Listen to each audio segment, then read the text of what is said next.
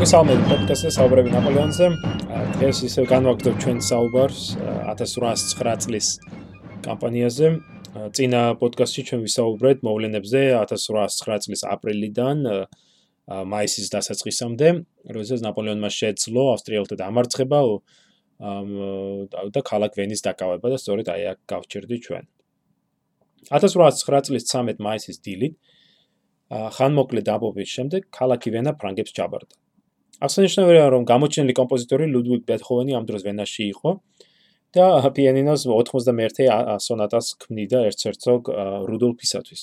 როდესაც ავსტრიის სამეფო ოჯახი ქალაქიდან გაიქცა, ბეთჰოვენი ბეთჰოვენი დარჩა ვენაში და დაბომბვის დროს თავს აფარებდა თავის ძმის კარლის სარდაფში, სადაც გადმოცემის მიხედვით ბალიშებს იფარებდა ყურებდა, რათა აი საერთელერიო ჭურვების აფეთქებით შექმნილი ხმაური დაეფარა. მართალია ნაპოლეონმა ხელმეორად შეძლო ავსტრიელთა დედაქალაქის დაკავება, მაგრამ ამჯერად ავსტრიელებმა შეძლეს ქალაქში მდებარე ხიდების განადგურება, რითაც ფრანგებს დინარეს დინარეს მარჯვენა მხარეზე გადასვლა და მათი დადევნების საშუალება არ მისცეს. ქალაქის შესვლისთანავე ნაპოლეონმა გამოაქვეყნა პროკლამაცია, რომელშიც აღნიშნავდა, ეს ციტატაა, ჰაბსბურგის სამეფო სახლის წევრებმა მიატოვეს თავიანთი დედაქალაქი არა როგორც ღირსეულმა მეომრებმა, რომლებიც ომის გარემოებებისა და წარუმატებლობის შედეგად იძულებული იყვნენ უკან დახეულიყვნენ, არამედ როგორც ავაზაკებმა, რომლებთაც თან გაყვება სინდისის ქეჭნაცო. იმავე განცხადებაში ნაპოლეონი არ წმუნდებდა რიგით ავსტრიელს, რომ მისი პირადი და კონების უსაფრთხოება უზრუნველყოფილი იქნება და მთა რომ ფრანგები ძარცვა გლეჩვისათვის არ იყვნენ მოსულები. კიდევ ერთ ციტატას მოვიყვან ამ პროკლამაციიდან ნებისმიერი ჯარისკაცი, რომელიც ჩამორჩა საკუთარ ქვედანაყოფს, რათა ძარცვა გლეჯოს მიხოს ხელი, იქნება დაუყოვნებელი, დაკავებული, გასამართლებული და სიკვდილით დასჯილი განაჩენის გამოტანიდან 1 საათის განმავლობაში. მომდენო 3 დღის განმავლობაში ნაპოლეონი ცდილობდა ვენაში დანგრეული ხიდების აღდგენას, რათა ავსტრიელთა ჯარს დადევნებულიყო. ქალაქ ვენის სამხრეთი დუნაიზე იწყებოდა მეჩეთში, რომელიც კუნძულ ლობაოსკენ მიდიოდა. სწორედ აქ გადაწყვიტა ნაპოლეონმა პონტონის ხიდის გაედო ამ მეჩეთამდე. ჯარის ნაწილი გადაიყვანა მდინარის მეორე მხარეს და შემდეგ მოპირდაპირ ნაპირზე პოზიციის დაკავების შემდეგ უკვე თავისი არმიის თავარი ძალები გადაიყვანა კუნძულიდან მდინარის ვიწრო ტოტის საშუალებით, რომელიც აი ყოფს ლობაოს კუნძულს დუნაის ჩრდილოეთ ნაპირისგან. 18 მაისის შუა დღისათვის ეს ამოცანა ნაწილობრივ შესრულებული იყო. და გენერალ გაბრიელ მოლიტორის დივიზიამ დაიწყო გადასვლა დუნაის მარცხენა ნაპირიდან კუნძულ ლობაოზე. საიდანაც უნდა აშენებულიყო მარჯვენა ნაპირთან დამაკავშირებული ახალი ხიდი. ამ ხიდის მშენებლობისას ფრანგები დიდ პრობლემებს წააწყდნენ. ვინაიდან მდინარე ადიდებული იყო და დიდ სირთულეებს უქმნიდათ ფრანგ ინჟინრებს. ამასთან, მდინარე ზედა ნაწილიდან ავსტრიელები ყველანაირ ჯარდს ყრიდნენ დინებაში, მათ შორის ნახევრად დაანგრეულ და ცეცხლით მოკიდებულ წყლის წისულს წისქვილსაც კი რათა ფრანგების მიერ აშენებული ხიდები დაენგრიათ. მაგრამ აქვე უნდა აღნიშნოთ ისიც რომ აი ამ ასპერენ ესლინგთან ხო მომხდარი ვითარების აი ამ ბრალი ასევე ადევს ნაპოლეონსაც რომელმაც აშკარად იჩქარა მდინარეზე გადასვლა. ერთის ხრივ გასაგებიცაა რატომ ჩქარობდა ფრანგთა იმპერატორი. ესპანეთში მძინვარებდა ომი. ტიროლში იფეთქა აჯანყებამ ფრანგებისა და მათი მოკავშირე ბავარიელების წინააღმდეგ. გერმანიაში შემჩნევოდა მღელვარება, რომელიც აი მალე ფერდინანდ შილის აჯანყებაში გადაიზრდება. ამავე დროს ავსტრიელების ძალე ავსტრიელები ძალების კონცენტრირებას ცდილობდნენ და ერცერცოგ იოჰან ვონ ჰაბსბურგის ჯარი სწრაფი ტემპით მიდიოდა იტალიიდან, სადაც მან დაამარცხა ენჟენ ბოჰარნეს იტალიური ჯარი მდინარე პიავას პიავეს ნაპირზე 8 მაისს. ნაპოლეონის ჯარი ღრმად იყო შეჭრილი მტრის ტერიტორიაზე და ამ გრძელი საკომუნიკაციო ხაზების შენარჩუნებას უწევდა. ყოველივე ამის გამო ნაპოლეონი ცდილობდა ავსტრიელთა სწრაფ დამარცხებას და მათთვის ზავის თავზე მოხვევას. სწორედ ამიტომ 19 მაისს შეიტყო თუ არა რომ ხიდის მეორე ტოტი, რომელიც კონძულ ლობაუდან გადიოდა დუნაის ჩრდილოეთ ნაპირზე, უკვე დასრულებული იყო. ნაპოლეონმა უმალვე ბრძანა, უბრძანა მარშლებს ლანსა და მასენას დაეწყოთ გადასვლა. არადა მდინარე გადას მდინარეზე გადასვლის შემდეგ ამ корпуსებს დიდ არმიასთან დააკავშირებდა მხოლოდ დაახლოებით 950 მეტრის სიგრძის ვიწრო ხიდი, რომელიც 100-ზე მეტ პონტონზე იყო აგებული. და აი ხიდი აშკარად არ იყო საკმარისად მტკიცე და გამძლე. მაგრამ ნაპოლეონმა ავსტრიელებზე სტრაფი გამარჯვების მოლოდინში მაინც გარისკა მდინარეზე გადასვლა. სოფლები ასპერნი და ესლინგი მდებარეობენ ვენიდან დაახლოებით 15 კილომეტრის მოშორებით. თუმცა დღეს ისინი უკვე თვითონ ავსტრიის დედაქალაქის ნაწილად იქცნენ. სოფლების სოფლებს ერთმანეთისგან დაახლოებით 3.5 კილომეტრი აშორებს. ორთავე სოფელი საკმაოდ მოზრდილი ზომის იყო, მაგალითად, მხოლოდ ასპერნში 100-ზე მეტი კომლი იყო. მათ შორის ბევრი სახლი იყო ორსართულიანი. სახლებს ირგვლივ მოწყობილი იყო ბაღები, ხოლო სოფელს 4 ხად ყოფდა ეს ორი ძირითადი გზა, რომელთა გადაკვეთაზე იდგა ეს მაღალი ეკლესია. ეს ლინგი ზომით ცოტა უფრო პატარა სოფელი იყო, აქ დაახლოებით 60-მდე კომლი იდგა, მაგრამ სოფში იყო დიდი ეს მარცვალცაცავი, რომლის რომელს აი ეს 1 მეტრის სისქის კედლები დიდად გამოადგენთ ფრანგ დამცველებს, როდესაც ბრძოლა დაიწყება. ნაპოლეონის გეგმა თქონდა გამოეყენებინა ეს ორი სოფელი დუნაის ჩრდილოეთით პლაცდარმის შესაქმნელად, საიდანაც ის წამოიწყებდა ძირითად შეტევას ჩრდილოეთით, აი ეს ეგრეთ წოდებული მარკფელდის ველის გაღმამ ყოფ ავსტრიელ ჯარს. 20 მაისის დილიდან სწორედ ამ სოფლებთან დაბანაკდნენ მარშლების ლანისა და მასენას корпуსები. იმავე საღამოს მასენა აძვრა ამ ასპერნის სოფელ ასპერნის ეკლესიის სამრეკლოზე და ავსტრიელთა პოზიციები შეისწავლა. სიბნელე იყო უკვე ამ დროისათვის და ეთყობა მდინარეზე გადასვლაში ხო ეს დაღლილმა მარშმალმა მნიშვნელოვანი შეცდომა დაუშვა. დაინახა რა ავსტრიელთა ჯარის ბანაკი, მან მხოლოდ რამოდენიმე ათეული კოცონი დათვალა იქ და მასნამ აი ჩათვალა, რომ ეს კარგის მომასწავებელი იყო, ვინაიდან მისი აზრით ავსტრიელები უკან დახევას აპირებდნენ და ამიტომ მას მან ნაპოლეონსაც აცნობა, რომ მტერი მალე უკან დაიხევსო. 21 მაის განთინისას ნაპოლეონი პირადად ეწვია საფრონტო ხაზს, მოინახულა მასენას პოზიციები ასპერნთან, რომელიც მას საკმაოდ სუსტად მოეჩვენა და ამიტომ იმპერატორმა უბრძანა მარშალს დაუყოვნებლივ დაიწყო მათი გამაგრება, მაგრამ აი მასენამ 1000 სხვა საქმით გართულმა ეს ზედმეტად მიიჩნია, ვინაიდან აი როგორც აღნიშნე ის ფიქრობდა რომ ავსტრიელები მაინც უკან იხევენ და აქ ასპერნში ჩვენ დიდხანს მაინც არ გავჩერდებით. 21 მაის დილით დინარე დუნაი განარგწობდა ადიდებას და მხოლოდ იმ ღამით 1 მეტრით აიწია, რამაც ბუნებრივია საფრთხე შეუქმნა ფრანგების ხიდს.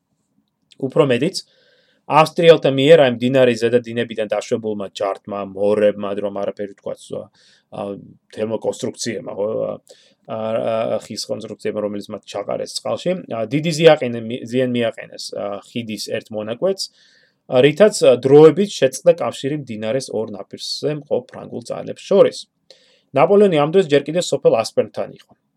ხიდის დაზიანების გაბის შესახებ ცნობის მიღებისთანავე მისი პირველი რეაქცია იყო გაეწვია ჯარი უკან კუნძულ ლობაუზე და ხიდის გაემაგრებინა, მაგრამ აი მისმა გენერლებმა გადააფიქრებინეს, ვინაიდან დარწმუნებულები იყვნენ, აი როგორც მასენა იყო, რომ ავსტრიელები უკან დაიხევდნენ და რომ ფრანგულ корпуსებს საფრთხე არ ემუქრებოდათ.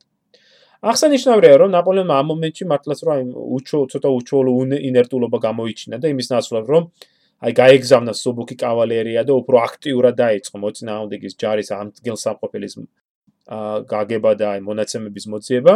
მონაპოლეონი დაკმაყოფილდა აი მასენას და სხვების მიერ მოწოდებულ ზოგად ინფორმაციას. ამ სუბუკი კავალერია კი იყო გაგზავნილი, მაგრამ არასაკმარის აღშკარა ძალებით და მის შეჩერებული იქნა აი ავსტრიელთა ვედეტების, ან პატრულების მიერ. ა ამიტომ აი უკვე არა და აი პირველი საათისათვის, ანუ 21 მაისის პირველი საათისათვის ნაპოლეონმა ნაპოლეონს შეატყობინეს, რომ მარკფელდის ველზე მოწინააღმდეგის ნაწილების დიდი კონცენტრაცია შეიმჩნეოდა. ფრანგებმა არ იცოდნენ ჯერ, მაგრამ ამ დროისათვის ერთ-ერთ კარმა უკვე თავ მოუყარა 85000-მდე მეტ ჯარისკაც, რომელსაც თან ახლდა 292 ქვემეხი, მაშინ როდესაც დუნაის ჩრდილოეთ ნაპირზე ხო ფრანგთა რიცხვი 50000 აღწევდა. და რაც კიდევ უფრო მთავარია, მათ მხოლოდ 58 ქვემეხი გააჩნდათ, ანუ თითქმის 300 ქვემეხი აქვს ავსტრიელებს, 58 ფრანგებს. ფრანგებსა და ავსტრიელებს შორის პირველი შეტაკებები დაიწყო შუადღის 2 საათისათვის, როდესაც ერთ-ერთო კალმა სოფელ ასპერნის იერიში წამოიწყო. თავდაპირველად ფრანგებმა შეძლეს შეტევის მოგერიება და მასენას 67-ე სახაზო პოლკის ერთმა ბატალიონმა დიდად გამოიჩინა კიდეც თავი, როდესაც აი სოფლის სასაფლაოს ქვის კედელს ამოფარებულმა ძლიერი ცეცხლი გაუშინა ავსტრიელებს და დიდი ზიანა ზიანი მიაყენა კიდეც მათ. მაგრამ ავსტრიელთა რიცხობრივმა უპირატესობამ მალე იჩინა თავი და ორთა ბრძოლა უკვე ცოტა ხანში სოფლის შუაგულშიც გაჩაღდა. ამავე დროს ავსტრიელებმა განალაგეს 90 ქვემეხიანი ძლიერი ბატარეა სოფლის წინ, რომელმაც გამანადგურებელი ცეცხლი გაუხსნა სოფელში განლაგებული მასენას ხო ნაწილებს. ნაპოლეონი თვალს ადევნებდა ბრძოლის ამ ეტაპს, აი ორ სოფელს შორის მდებარე პატარა ღრმულიდან, სადაც ოფიცრებით გარშემორტყმული ბარაბანზე იჯდა და განუწყვეტლი ვისმენდა აი მოხსენიებ, მოხსენებებს. მან უბრძანა გენერალ ბესიერს განელაგებინა თავისი 4 დივიზია სოფლებს შორის, რათა ფრანკთა ცენტრი დაეცო. ამავე დროს ნაპოლეონმა დაიწყო ფრანგული артиლერიის თავმოყრა, რათა ავსტრიელთა განუწყვეტლივი იერიშები შეეჩერებინა. 4 საათი იქნებოდა შუა დღის, როდესაც ავსტრიელებმა ძლიერი იერიშით გაარღვიეს ფრანგული აპოზიციები ასპერთან და უკვე თითქმის მთელი სოფელი დაიკავეს. ნაპოლეონმა უმალვე გაგზავნა გენერალ ლეგრანის დივიზია დასახმარებლად და 1 საათიანი გააფთრებული ბრძოლის შემდეგ ფრანგთა 26-ე სუბუკმა და მე-18 სახაზო პოლკებმა შეძლეს ასპერნის დაბრუნება. მაგრამ ეს ხანმოკლე წარმატება აღმოჩნდა. უკვე 5 საათისათვის ერცჰერცოგ კარლი პირველად გაუძღვა ახალ შეტევას, რომელშიც მონაწილეობა მიიღო ავსტრიელთა 18-მა ბატალიონმა. კარლის აი შეძახილს სამშობლოსათვის ხნეთ შეუტიეთ ბიჭებო ამ ამ შეძახილით დაგონებულმა ავსტრიელებმა კვლავ გაარღვიეს ფრანკთა პოზიციები და დაიკავეს ასპერნი, რითაც აიდა აიძულეს ფრანგები გასულიყვნენ სოფლიდან სამხრეთით. ამასობაში ავსტრიელებმა ასევე იერიში მიეტანეს სოფელ ესლინგზე, სადაც მარშალ ჟან ლანის корпуსი იყო განლაგებული. მასენასგან განსხვავებით ლანმა უსმინა იმპერატორის რჩევას და დილიდანვე გაამაგრა სოფელი. მისმა ჯარისკაცებმა ჩახერგეს სოფელზე მიმოვალი ძირითადი გზები, გაამაგრეს შენობები. ამრიგად ავსტრიელთა შეტევა ამ მიმართულებით ნაკლებად წარმატებული გამოდგა და მათ განიცადეს განსაკუთრებით დიდი განაკარგი, როდესაც აი სოფლის მარცვალსაცავთან მოხდა შეტაკებები და აი აი მარცვალსაცვის საცავის სკელი ქვის კედლები შეუვალი აღმოჩნდა ამ ავსტრიელთა ცეცხლისათვის, მათ შორის ქვემ артиლერიო ქვემეხის ცეცხლისათვის. სანამ ლასენა და მასენა იცავდნენ სოფლებს, ნაპოლეონი გააფთრებით ცდილობდა დუნაიზე გადებული ხიდის გამაგრებას. თუმცა ეს ხიდი არაერთხელ ჩაენგრა. ასეთი დაბრკოლებების მიუხედავად, გენერალმა კლოდ ყაღა სენსირმა, რომლის დივიზია მასენას მეოთხე корпуსში შედიოდა, მაინც შეძლო აი ნახევრად ანგრეულ ხიდზე გადასვლა, და საღამო ხანს უკვე ასპერტში გამაგრებულ ავსტრიელებზე მიიტანა იერიში. ბრძოლა საღამოს 9 საათამდე გაგრძელდა და მზის შასვლის შემდეგ ალმოკიდებული შენობებით განათებულ სოფელში მძვინვარებდა. შუა ღამისათვის ბრძოლა უკვე დასრულდა, ისე რომ ესლინგი ფრანგების ხელში დარჩა, ხოლო ასპერნში ნახევარი, ასპერნის სოფელ ასპერნის ნახევარი ავსტრიელების ხელში იყო, ხოლო სამხრეთ ნაწილი ფრანგების. 22 მაისს დილის 4 საათზე, ანუ ჯერ კიდე ღამეა, მასენამ წამოიწყო ახალი იერიში. ამ სოფლის გასათავისუფლებლად. ფრანკ და მე-18 და მე-4 სახაზო პოლკებმა წამოიწყეს ძირითადი შეტევა სოფლის გზაზე, ამ ძირითად გზაზე, ხოლო მე-18 მსუბუქმა და 56 სახაზო პოლკებმა ფლანგებიდან შეუტიეს. ერთ საათიანი ბრძოლის შემდეგ ფრანგებმა დაიბრუნეს სოფლის დიდი ნაწილი, მაგრამ ავსტრიელებმა კონტრშეტევით უპასუხეს, რომელთა წყალობით სოფელი 4ჯერ გადავიდა ხელიდან ხელში, მაგრამ საბოლოოდ 11 საათისათვის, დილის 11 საათისათვის, სოფელი კვლავ ავსტრიელთა ხელში აღმოჩნდა. არანაკლებ ძიმე იყო ვითარება ესლინგში, სადაც ავსტრიელებმა შეძლეს ლანის უკუპდება, მაგრამ ნაპოლეონის მიერ გაგზავნილმა ახალგაზრდა გვარდიის ნაწილებმა დაიბრუნეს სოფელი. დილის 7 საათისათვის მიიღო რა პირველი ცნობები ამ ფრანგების წარმატების შესახებ ნაპოლეონმა გადაწყვიტა გამოეყენებინა დილის ბურუსი და ესლინგთან წამოიწყო ძლიერი კონტრშეტევა. მისი ჩანაფიქრით, მარშალი ლანი გაუძღვა გენერალ სენილერის სენილერის დივიზიას ეს სოფლის მარჯვენა მხარეს. გენერალი უდინო ცენტრში იყო, ხოლო გენერალ ჟან თოღოს დივიზია მარცხენა ფლანგზე. მათ მხარს უჭერდნენ გენერალი ლაზალის სუბუქი კავალერია და გენერალ ნანსუტის მძიმე ცხენოსნები. მაგრამ ავსტრიელები მზად დახვდნენ ამ შეტევას. მათმა არტილერიამ დიდი ზიაყენა მიაყენა, დიდი ზიანი მიაყენა მოწინავე ფრანგულ ნაწილებს. ფრანგებისათვის სამწუხარო დუნაიზე ხიდი ხელახლა ჩაინგრა, რის გამოც შეუძლებელი გახდა ლანის ჯარისკაცების მომარაგება წვია წამლით. შუა დღისათვის აშკარა გახდა რომ ფრანგები ვერაფერს გახდებოდნენ. რიცხობრივად ოპერატესი ავსტრიელები მართლაც რომ წარმატებით არტმებდნენ თავს და იცავდნენ თავის პოზიციებს. ნაპოლეონმა უბრძანა ლანს დაეწყო უკან დახევა, რომლის დროსაც ფრანგებმა მძიმე დანაკარგები განიცადეს. დაჭრილთა შორის იყო გენერალი უდინო, რომლის штаბის ყველა ოფიცერი ან დაჭრილი, ან მკვდარი აღმოჩნდა. ავსტრიელთა შესაჩერებლად გენერალმა დორზენმა, რომელიც ძველი გვარდიის 1300 გრენადერს მეთაურობდა, წამოიწყო ეს გმირული კონტრშეტევა, რომელიც თავიდანვე განწირული იყო, მაგრამ რომელმაც ცირე დამატებით დრო მისცა ფრანგებს, რათა უკან დახევას ორგანიზება მოეხდინათ. ამ ბრძოლაში დორზენს სამი ცხენი მოუკლეს და თვითონ დაიჭრა კიდეც, მაგრამ სიკტილს გადაურჩა და ბოლომდე განაგრძო ბრძოლა.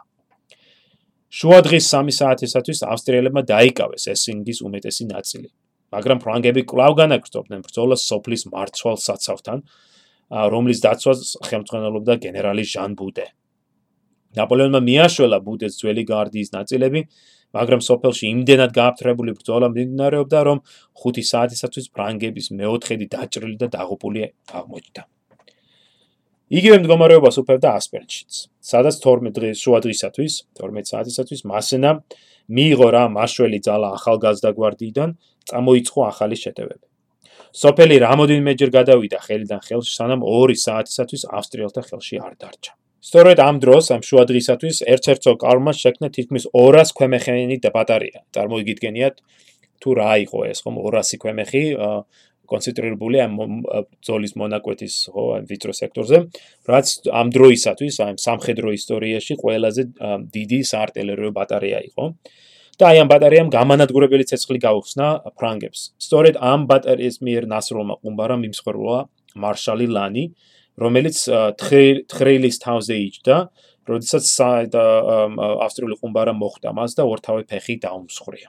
სიკვდილის პირას მყოფი მარშალი უმალვე გაიყვანეს საფრონტო ხაზიდან. 4 საათისათვის ფრანკთა ინჟინერებმა შეძლეს დუნაიზე ხიდის აღდგენა და ნაპოლეონმა ლანისა და მასენას კორპუსების უკან დახევა და ლობაუს კუნძულზე დაბრუნება უბრძანა. მისი ბრძანებით შეიქმნა ძლიერი საარტილერიო ბატარეა, რომელიც ფრანკთა უკან დახევას იცავდა. თვით უკან დახევაც საკმაოდ ორგანიზებულად ჩატარდა.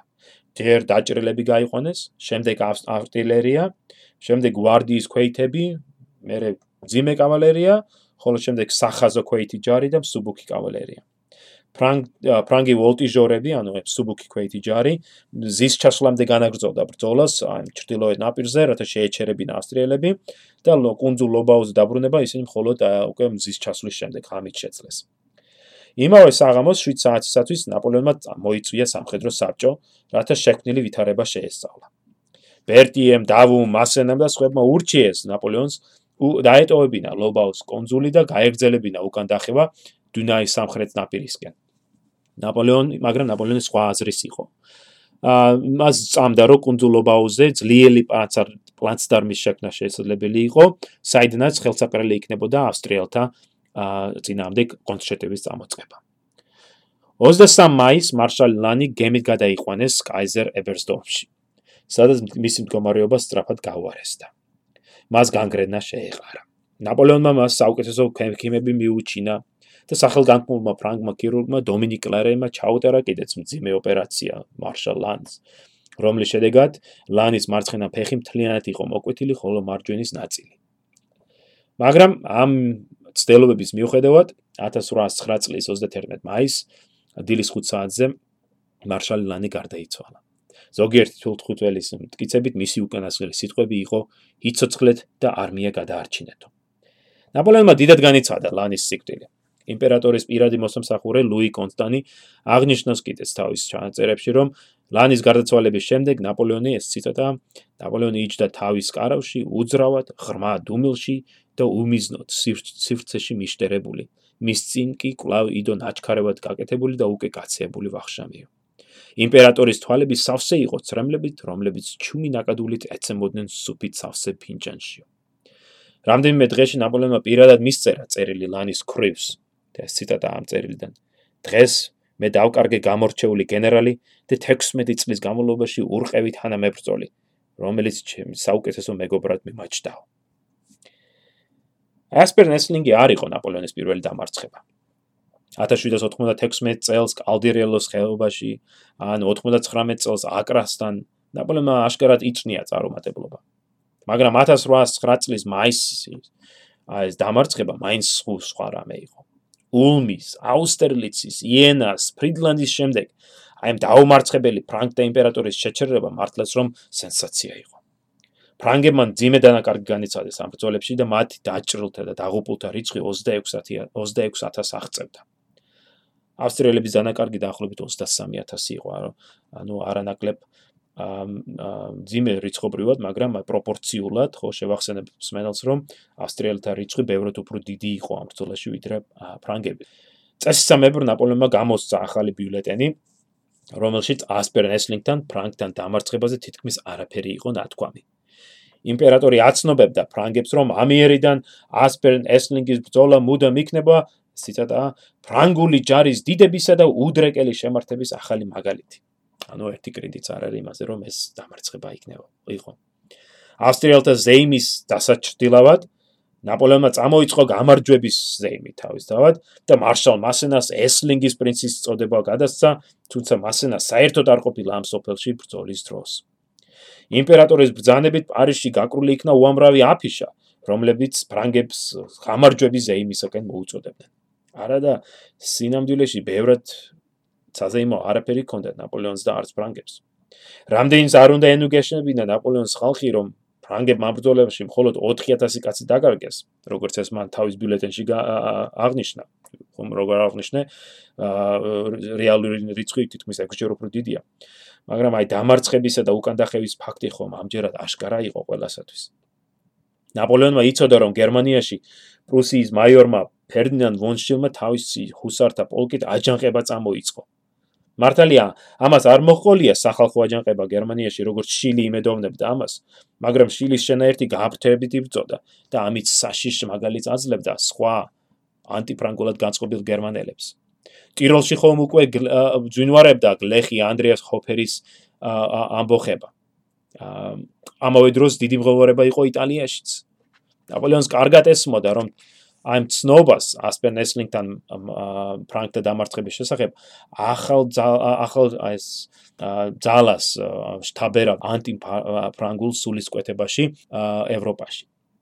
მაგრამ ნაპოლეონი არ კარგავდა სიმშვიდესა და მხნეობას. მან კარგად იცოდა რომ ავსტრიის დანაკლისი ასპენ ესლინგთან დიდი იქნებოდა რომ კამპანიის პირველ ნაწილში ავსტრიელებმა დათმეს დიდი ტერიტორია მათ შორის დედაქალაქიც რომ მათ დაკარგეს 10000ობით ადამიანი და რომ ისინი ბევრად უფრო თურ მდგომარეობაში იყვნენ ვიდრე თვითონ ნაპოლეონი. მართლაც მომდევნო 4 კვირის განმავლობაში ნაპოლეონი აძლიერებდა არმიას, დიდ სამუშაოს ატარებდა ახალი კამპანიისათვის და რაც თავარია, დიდი ყურადღებით კითხულობდა ყოველივე ყოველივე ცნობას, რაც მისი იმპერიის კუთხეებიდან ჩაედინებოდა კუნძულობაოზე. ნაპოლეონმა სწრაფად ჩაუნერგა თავის ჯარისკაცებს აი მოახლოებული გამარჯვების სრული რწმენა. ანუ არ მისცა საშუალება რომ თავის ჯარისკაცებს ეფიქრათ თუ რა მოხდა ასპერნესლინგ და არამედ თავიდანვე დაუწყო საუბარი ჯამარჯვებაზე. ივნისში ფრანგულმა ჯარმა დაისვენა და მაშველი ჯარი მიიღო. ლობაუს კუნძული საუკეთესო იყო გამაგრებული. ამავე დროს იმპერატორის საბოლოო დარწმუნდა, რომ ერცერცო კარლს, რომელიც ამ ხნის განმავლობაში განუწყვეტლივ უმოქმედოდ იყო, და ავსტრიული კარის პოლიტიკური ინტრიგებში იყო ჩაფლული. რომ აი ამ ავსტრიელებს მართლაც არ შეეძლო თავდასხმა და რომ ახლა მხოლოდ მასზე ნაპოლეონზე იყო დამოკიდებული თუ როდის დაეწყო გადამწყვეტი შეტევა. მაგრამ სანამ იგი დაიწყებდა ომის ამ ახალ ფაზას, ნაპოლეონმა ყურადღება მიაქცია იტალიაში განვითარებულ მოვლენებს. პაპი პიუს მე-7 და მისი კარდინალები აშკარად მოხარულები იყვნენ ასპერნესლინგის ამბებით. იმასაც კი ზოგიერთი სასულიერო პირი იმასაც კი გადაგებდა რომ ეს ყოველივე ღვთის რისხვა იყო სოფლიო ჩაგრელისათვის, ტარვალისათვის, ეკლესიის შეურაცხყოფლისა და შემფიწროებლისათვის. ამიტომ 1809 წლის ივნისის შუა რიცხვებში ნაპოლეონმა პასუხი გასცა პაპს. იმპერატორის დეკრეტი აცნობებდა ევროპას, რომ ქალაქი რომი და პაპის მთელი საფლობელო ამიერიდან საფრანგეთის იმპერიას უერთდებოდა. ბოძებულია ჩვენს მიერ ვენის ჩვენს საიმპერატორო ბანაკში. ასე მთავრდება ეს დეკრეტი. და ამით აი ამ პატარა წინადადებით ნაპოლეონი ახსენებდა ევროპას, რომ ფრანგულ ლომს ჯერ კიდევ შესწევდა ძალა, ეომა. გაუსწორდა რა რომის პაპს ნაპოლეონი შეუდგა უკანასკნელ სამხედროს მზადებას. ლობაუს კუნძულზე შეიქმნა უზარმაზარი სამხედრო ბაზა, რომელიც მომარაგებული იყო ჯარისთვის საჭირო ყველა სახის ნივთით. აშენდა ახალი საველე ჰოსპიტალები, რომელთაც 20000-ზე მეტი დაჭრილი სკურნალობა შეეძლო. ფრანგმა ინჟინერებმა გაითვალისწინეს წინა კამპანიის გამოცდილებები და დუნაიზე ააგეს უფრო დიდი და ძლიერი ხიდები, რომლებიც სასწები დაცული იყვნენ, როგორც დინარის დინებისაგან, ასე ავსტრიელთა თავდასხმებიდან. ივნისის მიწურულს ნაპოლეონმა ლობაუზე თავს მოუყარა 140000 ქვეითს, 24000-მდე მხედარს და თითქმის 550 ქვემეხს. ფრანგი კაპიტნის ელიზერ ბლეზის დღიურში აღნიშნულია, რომ ლობაუს კუნძულზე მდებარე ჩვენს ბანაკში ევროპის თითქმის ყველა ენას გაიგონებდითო. იტალიურს, პოლონურს, არაბულს, პორტუგალიურს, ესპანურს და ყველა სახის გერმანულსო.